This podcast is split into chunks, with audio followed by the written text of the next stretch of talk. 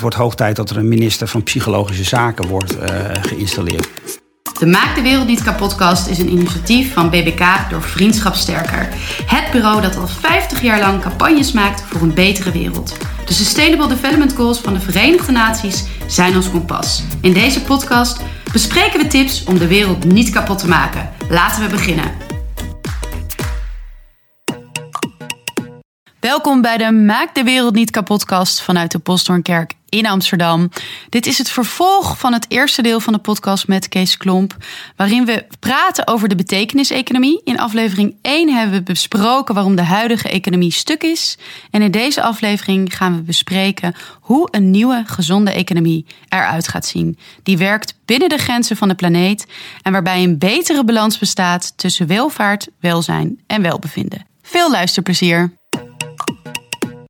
Wat vind je dan van, van alle uh, investeringen van landen nu? Natuurlijk om de economie te redden. Ja. Wordt er overal geïnvesteerd, zelfs in luchtvaartmaatschappijen, in vervuilende bedrijven. Om nou, er wordt geld bijgedrukt. Dat ja. is wat anders, hè? Ja. Het heet investeren tegenwoordig, maar het is gewoon de geldpers aanzetten ja. en meer schuld creëren. En zelfs op die manier dat ze hun klimaatambities vergeten. Zelfs aangekondigd dat ze hun CO2-heffingen even mogen versoepelen. Wat vind je daarvan? Nou ja, ik denk dat ik denk dat ze met. Uh, ja, ik weet niet of er nog iets, nog, nog iets beangstiger is dan met vuur eh, spelen. Uh, maar daar spelen ze uh, mee. Omdat. en volgens mij is dat punt al lang gepasseerd. En zitten we ook hier, wat hier betreft, in een soort hardnekkige ontkenning. Ja. Maar de schuld die wij hebben gecreëerd is zo bizar groot. Die is never nooit terug te verdienen dus je kunt wel geld blijven bijdrukken en schuld blijven creëren in de veronderstelling, de premisse, de aanname dat we dat ooit terug gaan uh, verdienen. Maar ergens gaat het moment ontstaan dat we beseffen dat we het helemaal nooit terug gaan verdienen.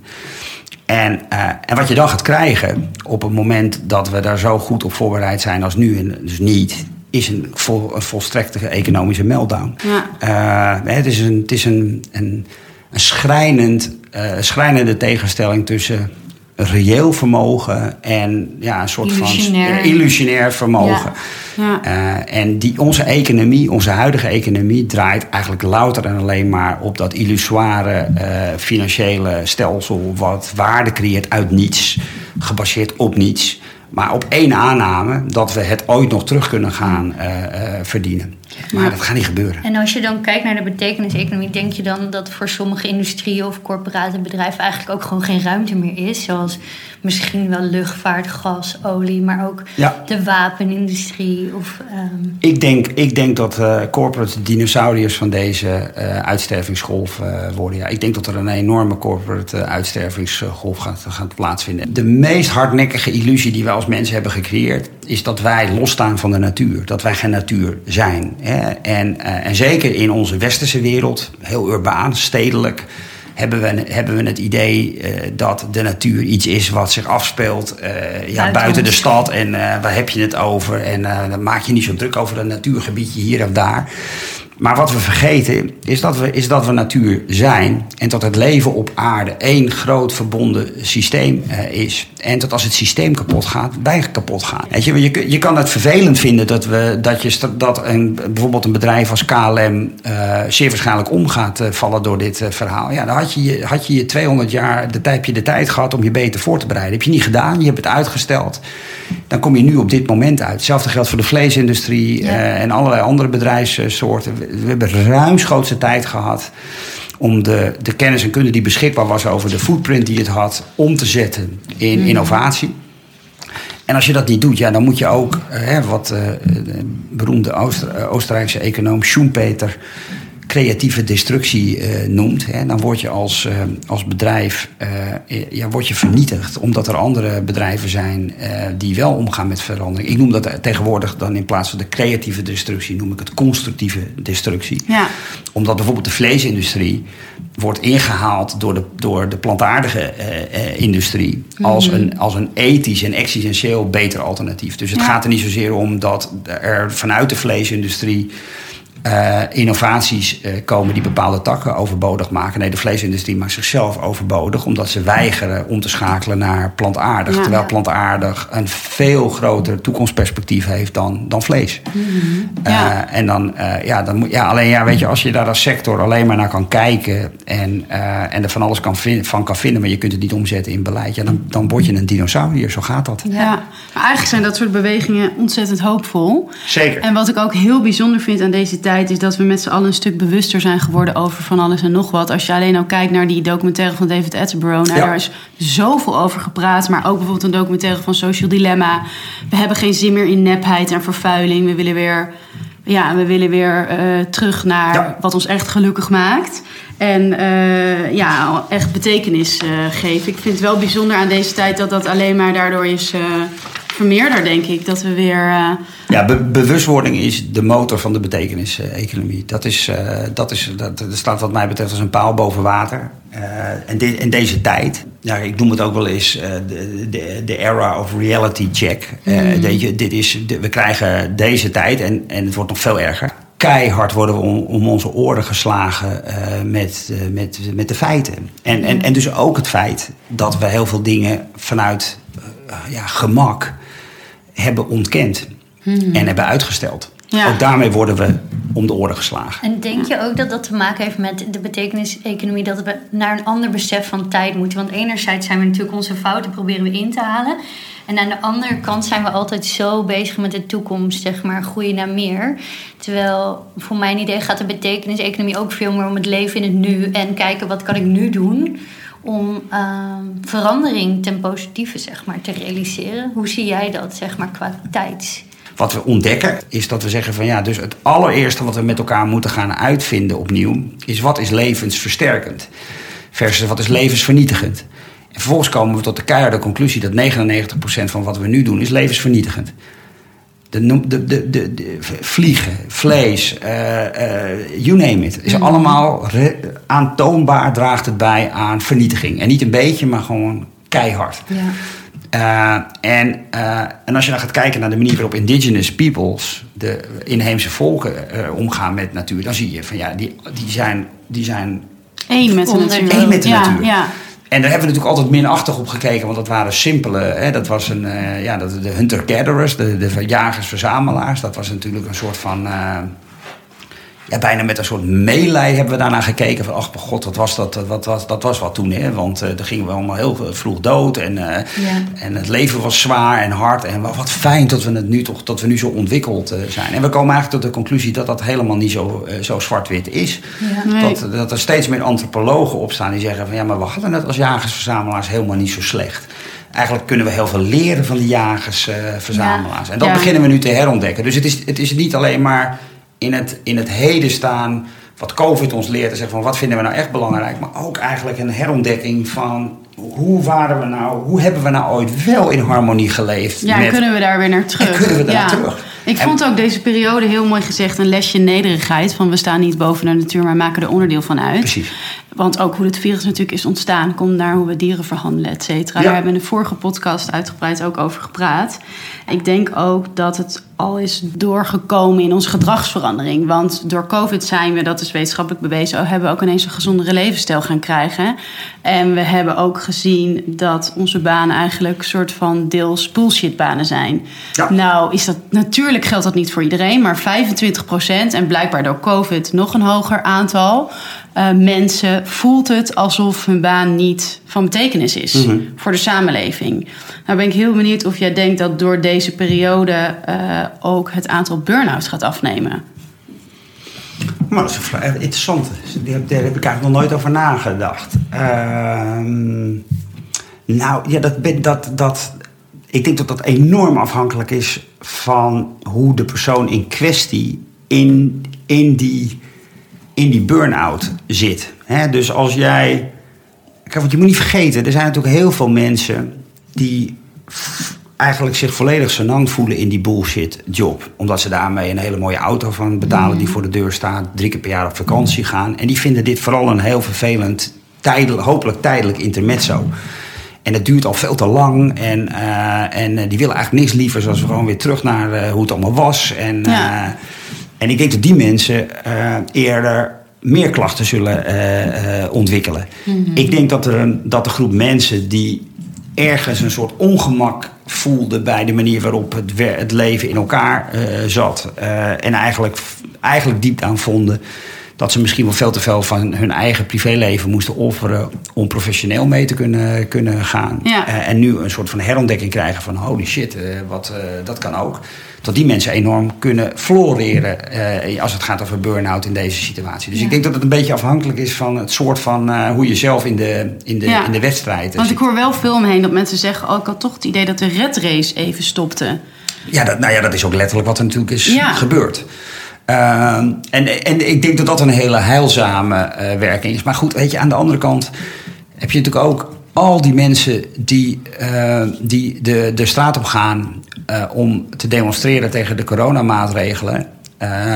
omdat ze juist een enorm extra druk voelen of extra, extra druk voelen, een enorm en... ja, onbestemd gevoel hebben over wat er zich allemaal afspeelt. En in essentie komen die mensen allemaal in weerstand tegen een, wat zij ervaren als een belemmering van hun, uh, van hun vrijheid. Ja. Uh, uh, maar als je, als je even een laagje dieper graaft, hoor je ze, hoor je ze, eigenlijk, hoor je ze eigenlijk vooral zeggen uh, dat ze terug willen naar hoe het was. Ja, exact. Ja, En denk je dat daar misschien wellicht een rol ligt ook voor een stukje educatie of opvoeding? Omdat we, we zijn natuurlijk al vanaf jongs af aan eigenlijk sociaal geconditioneerd in een prestatiemaatschappij. Van mm. goede cijfers halen, je moet vooral hard kunnen lopen. En veel, meer op, veel minder op een soort sociale definitie van succes. Um, zie jij daar ook een rol voor educatie? Ja, nou, ik heb wel eens ik heb de afgelopen maanden wel eens gekscherend uh, gezegd, maar wel met een serieuze ondertoon. Het wordt hoog tijd dat er een minister van Psychologische Zaken wordt uh, geïnstalleerd. Want uh, in de wetenschap dat corona nog maar de eerste van een veel heftigere sociale, ecologische ontwrichting gaat, gaat zijn, denk ik. Dat de psychische nood in, niet alleen in Nederland, maar overal in de wereld echt extreem gaat, uh, gaat toenemen de, de, de komende tijd. En ik, denk dat er, mhm. en ik denk dat er ook in een heel belangrijk gedeelte van de Nederlandse samenleving onder dit oppervlakkige, die oppervlakkige malheur die we nu ervaren voor COVID, die al super intens is. Een groeiend besef is dat het, dat, dat het daar niet bij gaat blijven. Dat die klimaatverandering er echt is. Dat, het, dat de zee gaat stijgen. Dat uh, naar al die uh, problemen. En dat we dus met z'n allen naar een systeemverandering aan het ontwikkelen zijn. En dat we dus alles waar we de afgelopen pakweg 100 jaar op hebben vertrouwd. Wat je nu net zegt, prachtig gezet, een prestatiemaatschappij waarin je weet, je, weet, je moet, je moet je, hoe hoger je met school, hoe groter je kans is op een baan. Uh, je, bent, je, je, bent, je succes is maakbaar. Uh, uh, we kijken op naar mensen die heel veel geld verdienen. Allemaal waarheden die we met elkaar hebben gecreëerd. En die flikkeren nu allemaal in elkaar. Dat, alles stort in elkaar. Mm Ja, daar moet je niet minachtig over doen. Dat is, een vol, dat is echt een super verwarrende tijd. Voor iedereen. En dat we heel veel dingen waar we verknocht aan zijn geraakt, die we leuk vinden, zoals eh, vier keer per jaar in een vliegtuig stappen voor 19 mhm. eh, euro, ja, dat dat, gaat verdwijnen. Ja, ja. En, en, ja, en dan, kan je dan, dan kan je dan zeggen van ja, je moet niet zo zeiken en uh, laat los enzovoort. Ja, je kunt ook zeggen van nou, laten, we daar, laten we daar op een bepaalde manier dan ook over rouwen. Laten we dan mhm. ook gewoon zeggen van uh, verdomme, het was toch, dat was toch wel leuk hè. Ja. En, uh, en mensen die um, verknocht zijn aan, aan vlees die het lastig vinden om het, om het, eh, om het op te geven. Niet alleen maar wegzetten als, uh, als idioten, uh, maar ook gewoon kunnen erkennen van verdorie. Ja, voor sommige mensen is dat misschien ongelooflijk vervelend dat zij te horen krijgen dat ze iets waar ze uh, jarenlang uh, voor weinig geld toegang toe uh, kregen en verknocht aan waren, dat dat een product is wat gewoon niet meer, wat, wat mm slecht is, waar je afscheid van moet, moet nemen. Dat komt waarschijnlijk ook een beetje vanuit jouw boeddhistische inslag, dat je veel meer vanuit compassie kijkt en daardoor op zoek gaat naar meer eenheidsbewustzijn dan die polarisatie opzoeken en vingerwijzen. Ja, maar ik begrijp me niet verkeerd, weet je. Ik kan ook, ik kan ook meedogenloos zijn uh, in mijn oordeel uh, ten opzichte van bijvoorbeeld een, een, een, een, vleeseter die het nodig vindt om veganisten belachelijk te, te maken. Weet je wel, ik, ik, bedoel, het is niet dat ik niet. Ehm, dat ik geen woede ervaar en, en ongeduld en allemaal dat soort dingen, die ervaar ik ook. Ik heb alleen wel geleerd dat ook mijn perspectief, als ik, dat, als, ik die, als ik dat oordeel ervaar, meteen kan veranderen op het moment dat ik me probeer te verplaatsen in wat er dan in iemand zijn hoofd plaats uh, vindt. En dan mm. ontdek je al heel snel dat iemand gewoon moeite heeft met de verandering. Ja. Uh, de onzekerheid die ermee uh, gepaard komt. En, en, en in die zin denk ik dat we collectief heel erg blij moeten zijn met COVID. Omdat het ons eigenlijk een soort van generale repetitie geeft over van wat, dat, wat ons te wachten staat. Nou, dat is heel toevallig. Dit is het onderwerp van ons persbericht van onze eerste podcast. Dat eigenlijk de coronacrisis een generale repetitie is voor wat ons te wachten staat. Nou. En bijvoorbeeld klimaatcrisis, maar ook gewoon alles hartstochtelijk mee eens. Ja. ja. Ik zat te denken, je had het over een uh, minister van Psychologisch Welzijn. Dat is natuurlijk, zou hartstikke fijn zijn. Um, ook schrijf jij uh, recent in een opiniestuk voor Dagblad van het Noorden... het MKB is de motor van de betekeniseconomie. Ja. Um, wij hebben het laatst over gehad, van, uh, ook met Anna Onze vorige spreker... waar ligt nou de sleutel voor die duurzame verandering? Want we hebben natuurlijk gehad, het is, het is een heel complex systeem. Dus iedereen heeft een verantwoording. Um, maar jij bent ook heel positief als het gaat om de verandering die we zien binnen het bedrijfsleven. Als aanjager ook vanuit politieke beslissingen en ook als keuzemogelijkheden voor consumenten. Mhm. Ehm, zie jij die sociale ondernemers ook echt als uh, een van de misschien oplossingen uh, of mogelijkheden voor duurzame verandering? Zeker, want kijk, sociale ondernemers laten ons zien dat het kan.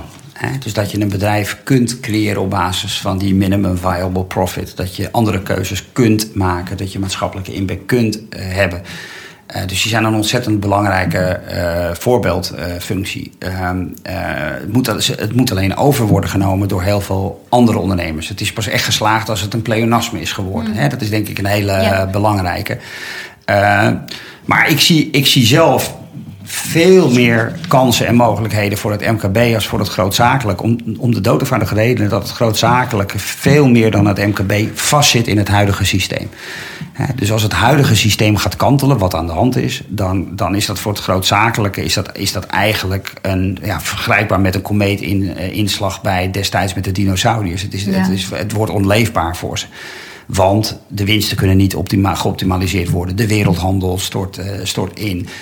Uh, de, de belastingen zullen omhoog gaan. Allemaal randvoorwaarden waar we, waar we mee te maken krijgen, die eigenlijk het bestaan van die grote corporates onmogelijk gaat maken. En wat we ook zien, dat zien we nu uh, met COVID gebeuren, bijvoorbeeld met zo'n bedrijf als KLM, is dat, de, is dat het een volstrekte illusie is dat een heel groot bedrijf waar miljarden in omgaat, dus stabieler en steviger is.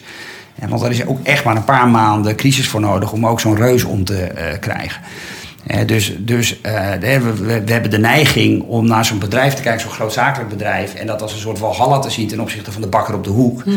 De vraag is of dat, of dat een reële uh, uh, vooringenomenheid. Ik, ik denk eerlijk gezegd dat de bakker op de hoek op de langere termijn veel meer bestaansrecht heeft dan die grote reus. Omdat die grote reus, als hij helemaal omgaat, gaat hij ook echt om.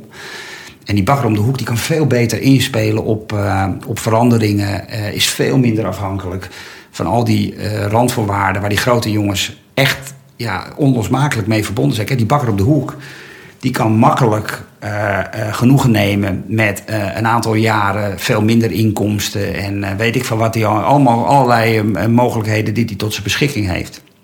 Terwijl die grote corporates hebben die ruimte niet. Ja, ik denk dat dat ook de reden is dat je nu heel veel nieuwe samenwerkingen ziet ontstaan tussen multinationals en wat duurzamere, kleinere ondernemingen. Je hebt natuurlijk heel veel, uh, heel veel interessante samenwerkingen, bijvoorbeeld nou, de vegetarische slager en Unilever. Ja. Het is heel duidelijk dat Unilever denkt: oké, okay, uh, de vegetarische slager is eigenlijk een soort pionier nu als het gaat om vegetarisch vlees. Ja. Die moeten we binnenhalen. Dus die multinationals begrijpen wel dat uh, eigenlijk die kleinere, duurzamere, weerbaardere onderneming nu uh, de norm worden. Ja. Ja, nou ja, wat ik ook zeg, weet je, ik, ik, ik, ik wil geen enkel uh, waardeoordeel vellen over de intenties van corporates. Ik, ik, ik, ik werk er zeer regelmatig mee. Ik ken heel veel mensen die bij corporates werken. En ja, ik, ik, zou, ik zou op geen enkele wijze durven te zeggen dat daar mensen werken die op wat voor manier uh, dan ook betrokken willen zijn bij het slopen van de, van de planeet. Uh, wat, ik, wat ik ook in het opiniestuk heb uh, ge, geschreven, is dat het, wat mij betreft, niet langer gaat over een ecologisch of een sociaal idealisme, maar over een economisch realisme. Weet je, de, de, de, als je gewoon gaat kijken naar de middellange en lange termijn ontwikkeling uh, van de economie met de inachtneming van wat we nu weten van de klimaatwetenschappers en de, de, en de ecologen, ja, dan, gaat, dan is COVID echt een, een, ja, een seizoensgriepje vergeleken met uh, wat ons uh, nog gaat, gaat komen. En dan gaat het veel meer over Ehm, nou ja, als we het dan toch over ecologie en over biologie hebben, survival of the fittest. Ben je in staat om je aan te passen? Ja. En het zit hem, wat mij betreft, vooral in het aanpassingsvermogen waarin het gevaar voor die, voor die corporates uh, schuilt. Omdat, het, omdat het reuzen zijn. Ja, het is wel een katalysator geweest uh, op het gebied van gedragsverandering en bewustwording deze tijd. Ik denk ook voor multinationals, want het was natuurlijk al gaande die beweging dat heel veel uh, duurzame kleinere ondernemingen zeg maar terrein winnen. Ja. En ik denk dat het uiteindelijk door deze tijd alleen nog maar meer wordt. Dat, ja, dat denk ik ook. Zeker. Dat soort betekenisvolle ja, zeker. samenwerking. Zeker. En ook, ook als het gaat over nieuwe jonge werknemers, weet ik uit eigen ervaring vanuit het Thrive Institute. Wij, wij krijgen continu jonge aspirant werknemers die hoog opgeleid zijn. En die willen allemaal werken bij bedrijven die impact maken. En, en ook dat moet je, daar moet je de de, de, de invloed niet van onderschatten. Want die komen allemaal binnen met, uh, met hun talenten. En die zeggen allemaal tegen die grote corporates: ja, ik wil hier best werken. Men, uh, maar ik wil wel gewoon uh, werken ja. bij een bedrijf wat onderdeel is van de oplossing ja. en niet van het probleem. De juiste impact maken, ja. Zeker. Dus kijk, dus weet je, als, als, als corporates in staat zijn om die transitie door te maken naar die verbrede waardetaal en andere dingen belangrijker te gaan vinden dan louter dat, die aandeelhouderswaarde mm -hmm. en dat financiële resultaat, dan hebben ze net zoveel kans ja. om te overleven dan, die, dan dat familiebedrijf. Um, wat, uh, wat uit is op uh, uh, overdracht naar de volgende generatie. Wat het, ja. wat prima, wat het prima vindt om een aantal jaren geen enkele winst te maken als het nodig ja. is om mensen in dienst te houden. Ehm, wat, wat per definitie veel minder snel over zal gaan tot praktijken die slecht zijn voor de planeet, omdat dat het, het voortbestaan in de weg uh, gaat staan. Allemaal dat soort, uh, ja. dat soort zaken. Weet je, ja. als, als, als corporates daarin mee kunnen gaan, en ik zie geen enkele reden waarom ze dat niet zouden kunnen doen. Het is, het, het is, ze geven er alleen op dit moment nog heel weinig blijk van. Ik vind het ook wel grappig dat je zegt uh, survival of the fittest. Want in een um, artikel van Rutger Bregman, en volgens mij schrijft hij dat ook in zijn laatste boek, gaat het veel meer om de survival of the kindest. Ja. Van degene die uiteindelijk meewerkt naar een gezonde planeet en een, um, een gelukkige medemens. Die zijn eigenlijk het meest in staat om flexibel te zijn en uh, uh, in deze transitie mee te gaan. En dus te blijven overleven. Ja, nou kijk, er zit, kijk, er zit ook nog een verschil. Hè, want je, wat, wat ook nog in die betekeniseconomie werkt, uh, speelt, is dat je hebt twee generaties. Hè. Je hebt de millennials en de centennials. En de millennials, dat, zijn, dat zijn de, de, is de generatie die op dit moment ervoor zorgt dat die bedrijven aan de binnenkant uh, veranderen. Jullie zijn, jullie zijn millennials, uh, gedreven door, door een behoefte aan zingeving, ja. ethiek. Maar de centennials die eraan komen, die, nog, die nu nog te jong zijn om in bedrijven uh, te gaan, vertegenwoordigd door uh, het archetype centennial is Greta Thunberg, ja. Uh, ja, die gaan voor systeemverandering. Hè, dus, dus er is een groot verschil. De eerste golf die, waar we nu in zitten, die is ethisch van karakter. Dus we, we, gaan, we hebben nu de dialogen met elkaar over wat is goed en wat is niet goed. Uh, en dan krijg je, krijg je al die uh, uh, ja, moraalridderij, dat hoort er allemaal bij. Ja.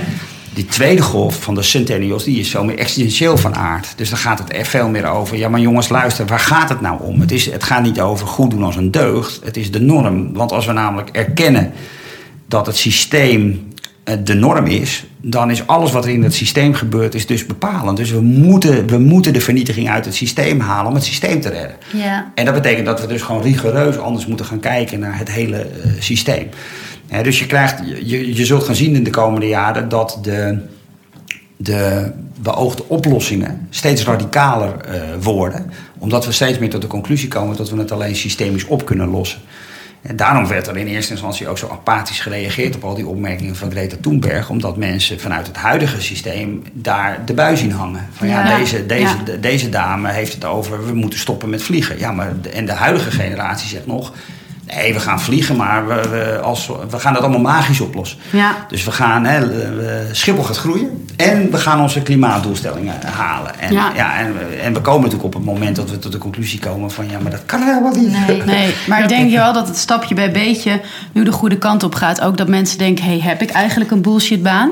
Voeg ik wel waarde toe? Dat je dus ook doorhebt dat multinationals ineens met duurzame kleine initiatieven aan gaan kloppen. Dus heel erg op en persoon en bedrijfniveau. Zeker. Uh, ontstaat er ontzettende bewustwording van hé, hey, ik wil ook goede impact maken. En uh, niet alleen maar voor winst of dat ik succes heb omdat ik wat rijker ben of een mooi huis heb. Maar ik heb succes als ik anderen kan helpen of de planeet kan helpen. Of... Nee, dus dat, dat, dat morele waar je het nu over hebt, dat is een essentiële voedselbodem voor, om dat existentiële ter discussie te stellen. Hè? Dus, de, dus wat je zult, je zult gaan merken dat we de komende jaren steeds meer open zullen gaan staan voor datgene wat Greta Thunberg al een aantal jaren geleden heeft gezegd, maar wat we steeds nadrukkelijker zullen zien, dat het echt radicaal anders moet. Fundamenteel anders. En, dat, en de reden waarom we daar kunnen komen met elkaar, is, stapje bij beetje. Is stapje bij beetje. En het is te danken aan de millennials die er gewoon voor zorgen dat we discussies hebben over wat is goed, wat is niet goed. Mhm. wat, wat, is, wat is belangrijk, wat is niet uh, belangrijk. Wat allemaal morele, ethische kwesties uh, zijn. Uh, en daardoor groeien we langzaam maar zeker in een, in een bewustzijn. En, en tegen de tijd dat de centennials het voor het zeggen uh, hebben, zijn bedrijven zover dat, dat, we, dat we die hele waardetransitie kunnen maken. Omdat we gewoon een heel ander beeld hebben gekregen over wat een gezonde samenleving is. Wat een gezonde economie is, wat een gezonde samenleving is. En dan gaan we ook veel meer van symptoombestrijding, waar we soms nu ook nog in zitten, naar echt uh, de root cause eigenlijk aanpakken. Vanuit. En, en wij zien dat eigenlijk ook aan de hoeveelheid open sollicitaties die we krijgen. Dat het soms verbazendwekkend is dat, uh, dat de jeugd zo graag wil bijdragen en zegt: Ik hoef helemaal niet in zo'n account accountancy kantoor 80 uur te werken. Dus wat dat betreft biedt dat wel een uh, hele hoopvolle toekomst. Nou en of, vind ik ook. Uh, ja. Ik denk ook, wat, wat ik heel erg interessant vond... Uh, op een gegeven moment noemde jij in een interview... dat echte verandering aan en ieder vraagt om een reis naar binnen te maken. Mm -hmm. Dat komt natuurlijk ook vanuit jouw... Um, ja, passie voor het inter zijn en, en het boeddhisme. kun je dat misschien nog toelichten? Als we mensen daadwerkelijk op een andere manier willen laten kijken naar wat het leven is en wat, er, wat hun bedrijf is, dan moeten we, dan moeten we mensen ten diepste uh, ja, op een andere manier laten nadenken over wie ze zelf zijn en wat ze doen. En dat betekent dus dat, je, dat mensen altijd eerst naar zichzelf te raden moeten uh, gaan. En wat het complex maakt, is dat we allemaal ontzettend zijn gevormd door wat jij net noemde, die succesmaatschappij. Weet je, dat mhm. hebben we allemaal meegekregen. Iedereen. Hè, eh, in, want dat is de norm. Dat is het basisverhaal waarin we zitten. Dus het is ontzettend ingewikkeld om daar afscheid van te nemen. Dat voelt als doodgaan. Dat is een soort van. Uh, ja, maar jongens, dat, dat, dat, hoezo? Ja. Dat, nu, nu, klopt er helemaal niks meer. De hele norm moet worden veranderd. Dat is Alles ontzettend uitdagend. En, en, en dat kan eigenlijk alleen maar als je bereid bent om naar binnen te gaan en te constateren bij jezelf van ja, dit is iets waar ik in geloof, maar waar komt het eigenlijk vandaan? En dan kom je natuurlijk al heel snel tot de conclusie dat je dat van je ouders hebt meegekregen of dat je dat en dat die het weer mee hebben gekregen van dat het gangbaar was en dat soort zaken. Uh, en dan ben, je, dan ben je in staat om er ruimte tussen te creëren en te zeggen van ja, ik geloof dat, maar ik weet niet helemaal zeker of dat nou dan ook de waarheid uh, is. Maar als jij niet in staat bent om die ruimte te creëren, dan ben jij, ja, dan ben jij dus niet, dan, dan kun jij niet meegaan in de, in de veranderingen. En dan ga je in de weerstand. En dat, ook dat zie je nu met COVID eh, gebeuren. Dat mensen ja, niet in staat zijn om te erkennen dat dit gewoon zo'n ontzettende ingewikkelde, ingrijpende tijd is. Dat ze conspiracy theories nodig hebben, omdat, omdat dat de ruimte biedt om niet bij zichzelf te, naar binnen te, te raden te gaan en te zeggen: waarom, waarom voel ik dit nou? Hmm. Waarom raakt mij dit nou zo? Ja. Uh, het is veel makkelijker om te projecteren en dan iemand anders de schuld te geven. Te zeggen, ja, er zijn nog een samenswering enzovoort. Dan bij mij, met mij is er niks aan de hand. Ik voel mij fijn, ik ben helemaal goed. Het is iemand anders schuld. Terwijl als je naar binnen gaat, kom je tot de conclusie van... ja, dit botst echt verschrikkelijk tegen alles wat ik heb uh, geleerd... en uh, waar ik in geloof en, enzovoort. Weet je, ik, dit voelt moeilijk, ik moet dat toelaten. Het is veel makkelijker om niet, niet toe te laten dat gevoel van wanhoop en machteloosheid en, en, en, en bestaansangst. Allemaal dat soort factoren die eigenlijk heel erg to, to the point zijn in deze tijd. Ehm, maar die allemaal heel moeilijk zijn om te voelen. Ja, exact. Dat is geen graag weggeduwd worden. Die wil je heel graag wegduwen. Ja. Maar het is ook wel weer, vond ik heel erg een opluchting toen ik veel ging lezen over de betekenis-economie. Had ik bij mezelf dat ik dacht, oh ja, ik had vroeger al dat ik dacht van... moet ik dan ook een traineeship gaan doen? Want al mijn vriendinnen deden dat. Mhm. Eh, wat als ik iets anders wil? En ook wel een beetje van je ouders inderdaad... je moet gewoon werken voor het geld. En je mhm. moet een nuttige dagbesteding hebben. En je moet je ontwikkelen, et cetera, et cetera. Voelde bij mij best wel als een opluchting van... dat hoeft helemaal niet. Ik mag ook gewoon echt doen wat ik leuk vind. En dat heeft gewoon heel snel te maken met betekenisvol werk. Mhm. Want daar word je toch het meest blij van, denk ik. Ja, maar uh, uh, kijk, je zegt het, je, je, je, je zegt het uh, zelf in, ook in een, in een bijzijn met je ouders. daarmee breken, hè, dus de, de, een ander pad kiezen voor jezelf, is, is, is heel fundamenteel. Mm Weet je? En, en misschien ga je dan ook bijvoorbeeld inzien hoe moedig het is en hoe groot het is dat bijvoorbeeld Nieuw-Zeeland waar Jacinda Ardern de prime minister is en ondertussen ook Schotland en Wales en IJsland. En, en IJsland ja die hebben dit gedaan op macro-economische schaal. Hè. Die hebben gebroken met GDP, met, met, met de welvaartseconomie. En te zeggen, wij gaan voor welzijn, voor een well-being economy. Ja. Dat is op collectief niveau eigenlijk het breken met je ouders... die altijd hebben gezegd van, ja, maar luister... het gaat allemaal om welvaart. Je moet mhm. zorgen dat je succes uh, hebt... en dan ga je daarna, mag je lekker doen wat je, wat je, wat je wil. Maar dit, dit is de norm. Hier gaan we voor. Ja. En wat jij nu eigenlijk zegt, is ik breek met die, met die opvoeding en die norm die ik heb meegekregen. Nou, dat is op individueel niveau al een enorme disruptie. Daar moet je heel veel moed voor, uh, voor, uh, voor hebben. Dat doe je niet in een uh, dinsdagnamiddag. Ja. ja. Maar dat, doen we, dat moeten we dus ook collectief doen. Ja. Ik denk dat je door de juiste mensen moet laten inspireren. Ik denk dat dat wel eens gebeurt in mijn persoonlijke geval. Dat er gewoon mensen op mijn pad kwamen. Onder andere Jaya, die hier naast me zit. Die gewoon een andere kant heeft laten zien. Waar ik, uh, ja, waar ik heel veel mee ben gaan doen. En uiteindelijk andere keuzes heb gemaakt. Zeker. Hè? Dus de, Jaya heeft jou de, heeft jou de de, de weg uh, gewezen. Maar dat proces, eh, dat, daar, die, dat doe je toch echt helemaal zelf. Dat is die binnenkant waar ik het over heb. Dan ga je bij jezelf te raden van... Uh, waarom raakt mij dat nou zo? Waarom, waarom resoneert dat nou zo bij mij? Ja. En waar botst dat? Nou, waarom, waarom voel ik nou een, een enorme excitement, maar ik voel ook meteen angst. Ja, en dan, en, dan, en dan, kom je eigenlijk, dan kom je eigenlijk al heel snel op die barrière. Kijk, de, de, de, de basis van het belang van het naar binnen eh, treden en de binnenwereld. En het feit dat de binnenwereld de buitenwereld is, zit op dat niveau van de stories. Ons geloofssysteem. Wij allemaal maken sens over wat er om ons heen gebeurt op basis van dat wat wij geloven. Daar zit het oordeel op. Dit is goed en dit is niet goed. Dat, dat doe je allemaal op basis van wat je hebt geleerd, over wat je gelooft. Dat zijn je normen, dat zijn je waarden, dat zijn de principes waar je van leeft. En die zitten in het, in het, in het leeuwendeel van de mensen zijn die, zitten die in het onderbewuste zijn we helemaal niet mee bezig. We, ervaren het, zo is het. En als die ter discussie worden gesteld, dan ga je ze eigenlijk pas uh, ervaren. En dan wordt het ongemakkelijk. En dat zie je nu gebeuren. Van wij, de reden waarom het nu zo ongemakkelijk is, is we hebben ook collectief hebben we een geloof. Ja. En dat geloof staat nu opeens ter discussie. Ja, logisch dat dat ontzettend gaat uh, schuren. Ons wereld stort in. Het klopt niet meer. Nee, ja. Je gaat dat letterlijk doodsangst uh, ervaren. Van ja, maar uh, stel nou dat dit nooit meer overgaat. Al je zekerheid en je vertrouwen. Alles weer eigenlijk overboord. En ook onze veiligheid.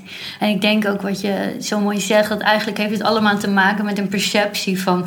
dat we vaak keuzes maken vanuit angst, et cetera. En dat dat er laten zijn en gewoon voelen van oké, ik voel nu weerstand en dat is oké. Steeds meer naar een perceptie van liefde. Van oké, maar hoe gaat het dan wel? En hoe kan ik vanuit mijn eigen kleine verantwoordelijkheid bijdragen aan een uh, moeilijk, mooiere planeet? Ja. Echt moeilijk. Ja. Maar het is wel essentieel. We kunnen, we, deze verandering gaan we echt kunnen we niet doen met uh, ja, louter projecteren op elkaar en, uh, en onze eigen onvermogen botvieren op de ander. Dan, dan gaat het zoals in Amerika op dit moment. En dat, is, uh, vind, ik een, dat vind ik een schrikbeeld. Ja. ja. gelukkig vinden de meeste mensen dat. Tenminste, ik voel ja, me heen dat Zeker. eerst wij millennials waren een beetje zo van... jullie zijn heel erg zoekende en zo. Maar aan de andere kant waren wij gewoon hadden wij al in de gaten dat het meer over betekenis ging dan om prestatie. Ja, en dat komt natuurlijk steeds meer bij de nieuwe generaties. En ik denk dan ook, ehm, als ik jou zo hoor, aan de ene kant is er natuurlijk soms een soort frustratie in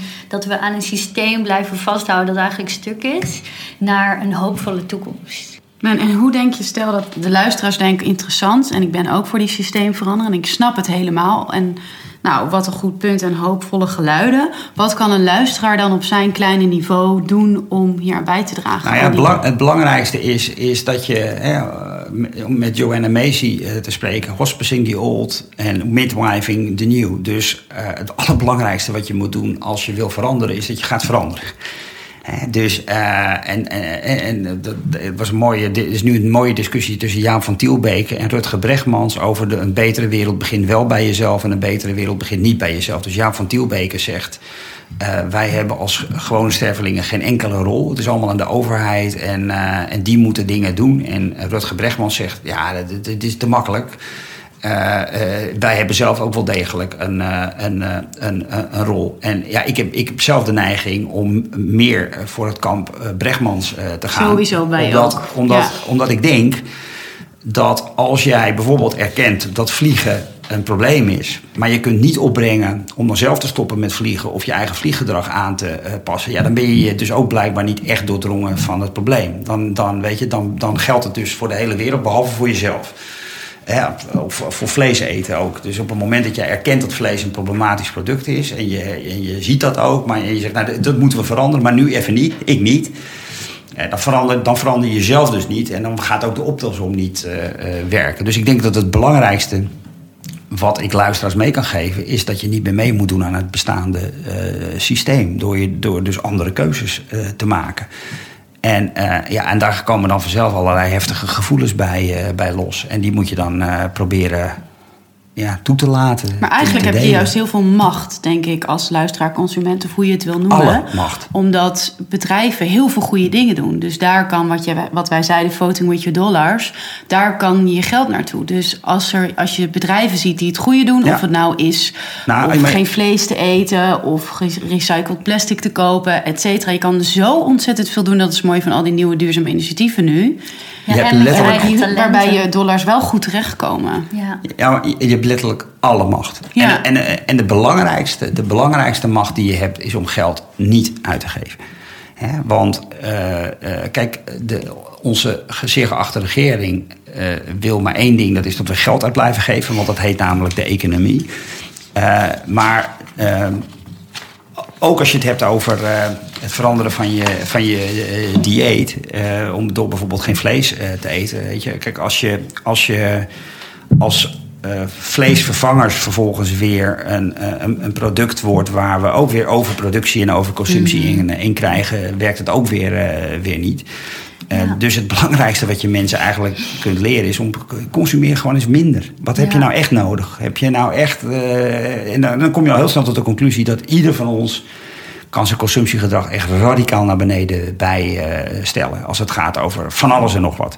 Ja, en, ja precies. Uh, en, dat is, en, dat, en, die, en die ruimte moet je jezelf eerst eens gaan opnemen. En kijken wat dat met je doet. Weet je ja, wel? en ook snappen dat dat bijdraagt aan een systeemverandering. Ja. Ook al lijkt dat Precies. heel ver weg. Uh, als je bijvoorbeeld kijkt van, van naar zo'n zeepje. Ik weet niet Ja, of je daar zeker. een ontzettend Ja. goed initiatief. Prachtig, hè? Wat nu ook bij Albert Heijn en Ethos ligt. Dus dat wordt ook meteen omarmd door de wat grotere multinationals. En net zoals uh, bijvoorbeeld Too Good To Go, wat, uh, waar Jumbo mee Ja. samen is gegaan. Dat soort initiatieven, als ik dat lees, dan denk ik... oh ja, we snappen het. Niet alleen op individueel niveau, maar Ja. ook op bedrijfsniveau. Zeker. Waardoor wij onze keuzes steeds bewuster kunnen maken... en ook steeds meer kunnen bijdragen aan die systeemverandering. Nee, kijk, en wat jij nu net zegt over die producten die, eh, die dan bij de Jumbo en bij de Albert Heijn eh, liggen. Weet je, dat, dat- ik, wil dat niet, eh, ik wil dat niet bagatelliseren, want dat is fantastisch. Maar sta je er niet te veel eh, blind, blind. op. ja. Want, want dat is, je kijkt daarmee ook weer een klein beetje op de oude manier. Weet je, van, oh, dat, eh, dat is wel fantastisch dat ze omarmd zijn door die grote bedrijven. Dan hebben ze een enorm publiek en dan kunnen ze opschalen en, eh, enzovoort. En dat is helemaal waar, hè? daar is niks mis mee. Sterker nog, dat is fantastisch. Maar ik ken ook heel, heel veel initie- eh, initiatieven die super kleinschalig eh, zijn. Maar die, eh, waar eh, in sommige gevallen zelfs helemaal geen euro aan eh, eh, te, te pas komt. Die super vitaal zijn in de buurt. Ja. En daar hebben we dan de neiging van om eroverheen te kijken en te zeggen van ja, dat is zo'n vrijwilligerswerk en zo. Maar nee, dat, dat is super vitaal. Dus ook een tip, kijk lokaler beter om je heen. Ja, en, en kijk voorbij je eigen gekleurde bril van wat we succesvol uh, vinden. Ja. Want, want wat, jij, wat, jij net, wat jij net eh, deed is heel herkenbaar. Het is de manier waarop we dus naar gewend zijn om succesvol te kijken. Dus we vinden, we vinden Jaap Korteweg en de vegetarische slager een enorm succes. En begrijp me niet verkeerd vind ik ook. En ik gun het Jaap van harte. En het is geweldig wat er gebeurt met de vegetarische slager. Het is ook super belangrijk voor de hele vleesindustrie uh, uh, en de plantaardige industrie. Ehm, maar het is ook het archetype van wat we bekend waar we bekend mee uh, zijn. Weet je, van wauw, weet je wel, wauw, de, de, de, van krantenjongen tot miljonair, weet je wel, wauw, te gek. Ja.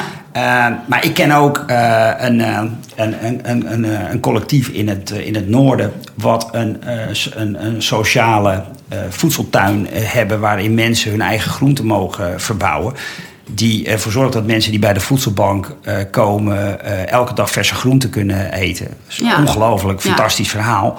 Uh, gaat bijna geen geld in om, bijna niemand kent het. Maar voor de mensen die erbij betrokken zijn, is het een wereld van verschil.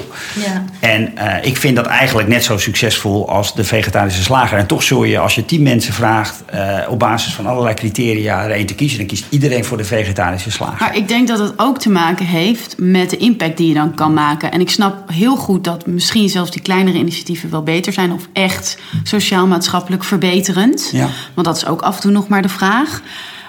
Um, maar het gaat denk ik over de impact die je kan maken. En dat voelt ook fijn als consument. Dat als jij je euro's geeft aan een beter merk, beter merk, wat ook grotere impact kan maken, dat je ook denkt: top, dan draag ik ook bij aan die systeemverandering op hoger niveau. Zeker. Maar ook dat is weer een redelijk kwantitatieve definitie van impact.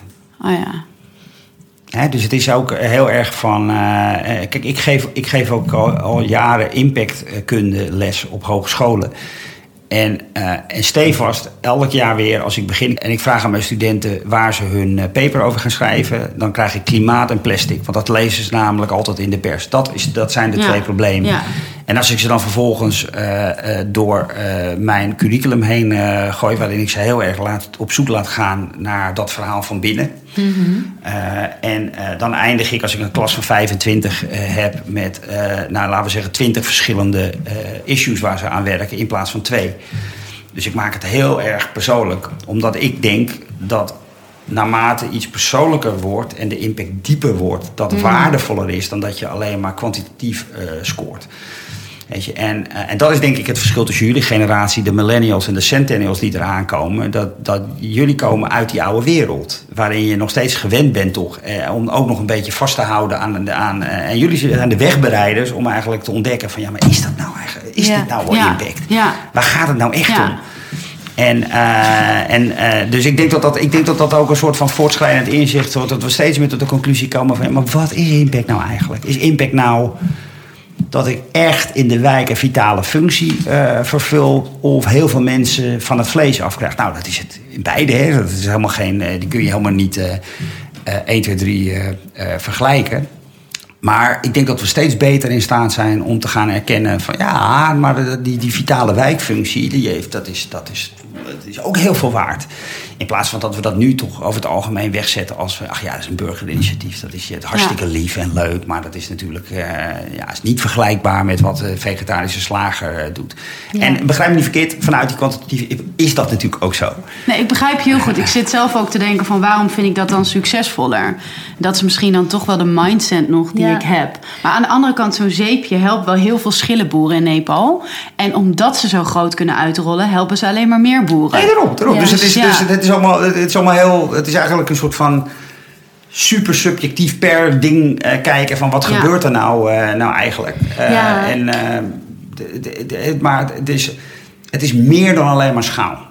Dat denk ik ook. En ja. ik denk ook dat het goed is dat het ene naast het andere kan bestaan. Wat jij ook zegt, het is niet dat we welvaart overboord moeten gooien. Het gaat om een goede balans binnen de grenzen van de planeet. Welvaart, welzijn en welbevinden in exact. Precies, ja, zeker. Nou, ik denk als luisteraars dat er genoeg is om in ieder geval even bij zichzelf naar binnen te gaan. En uh, eens goed kritisch te kijken hoe voel je, vanuit welke beweging kom ik.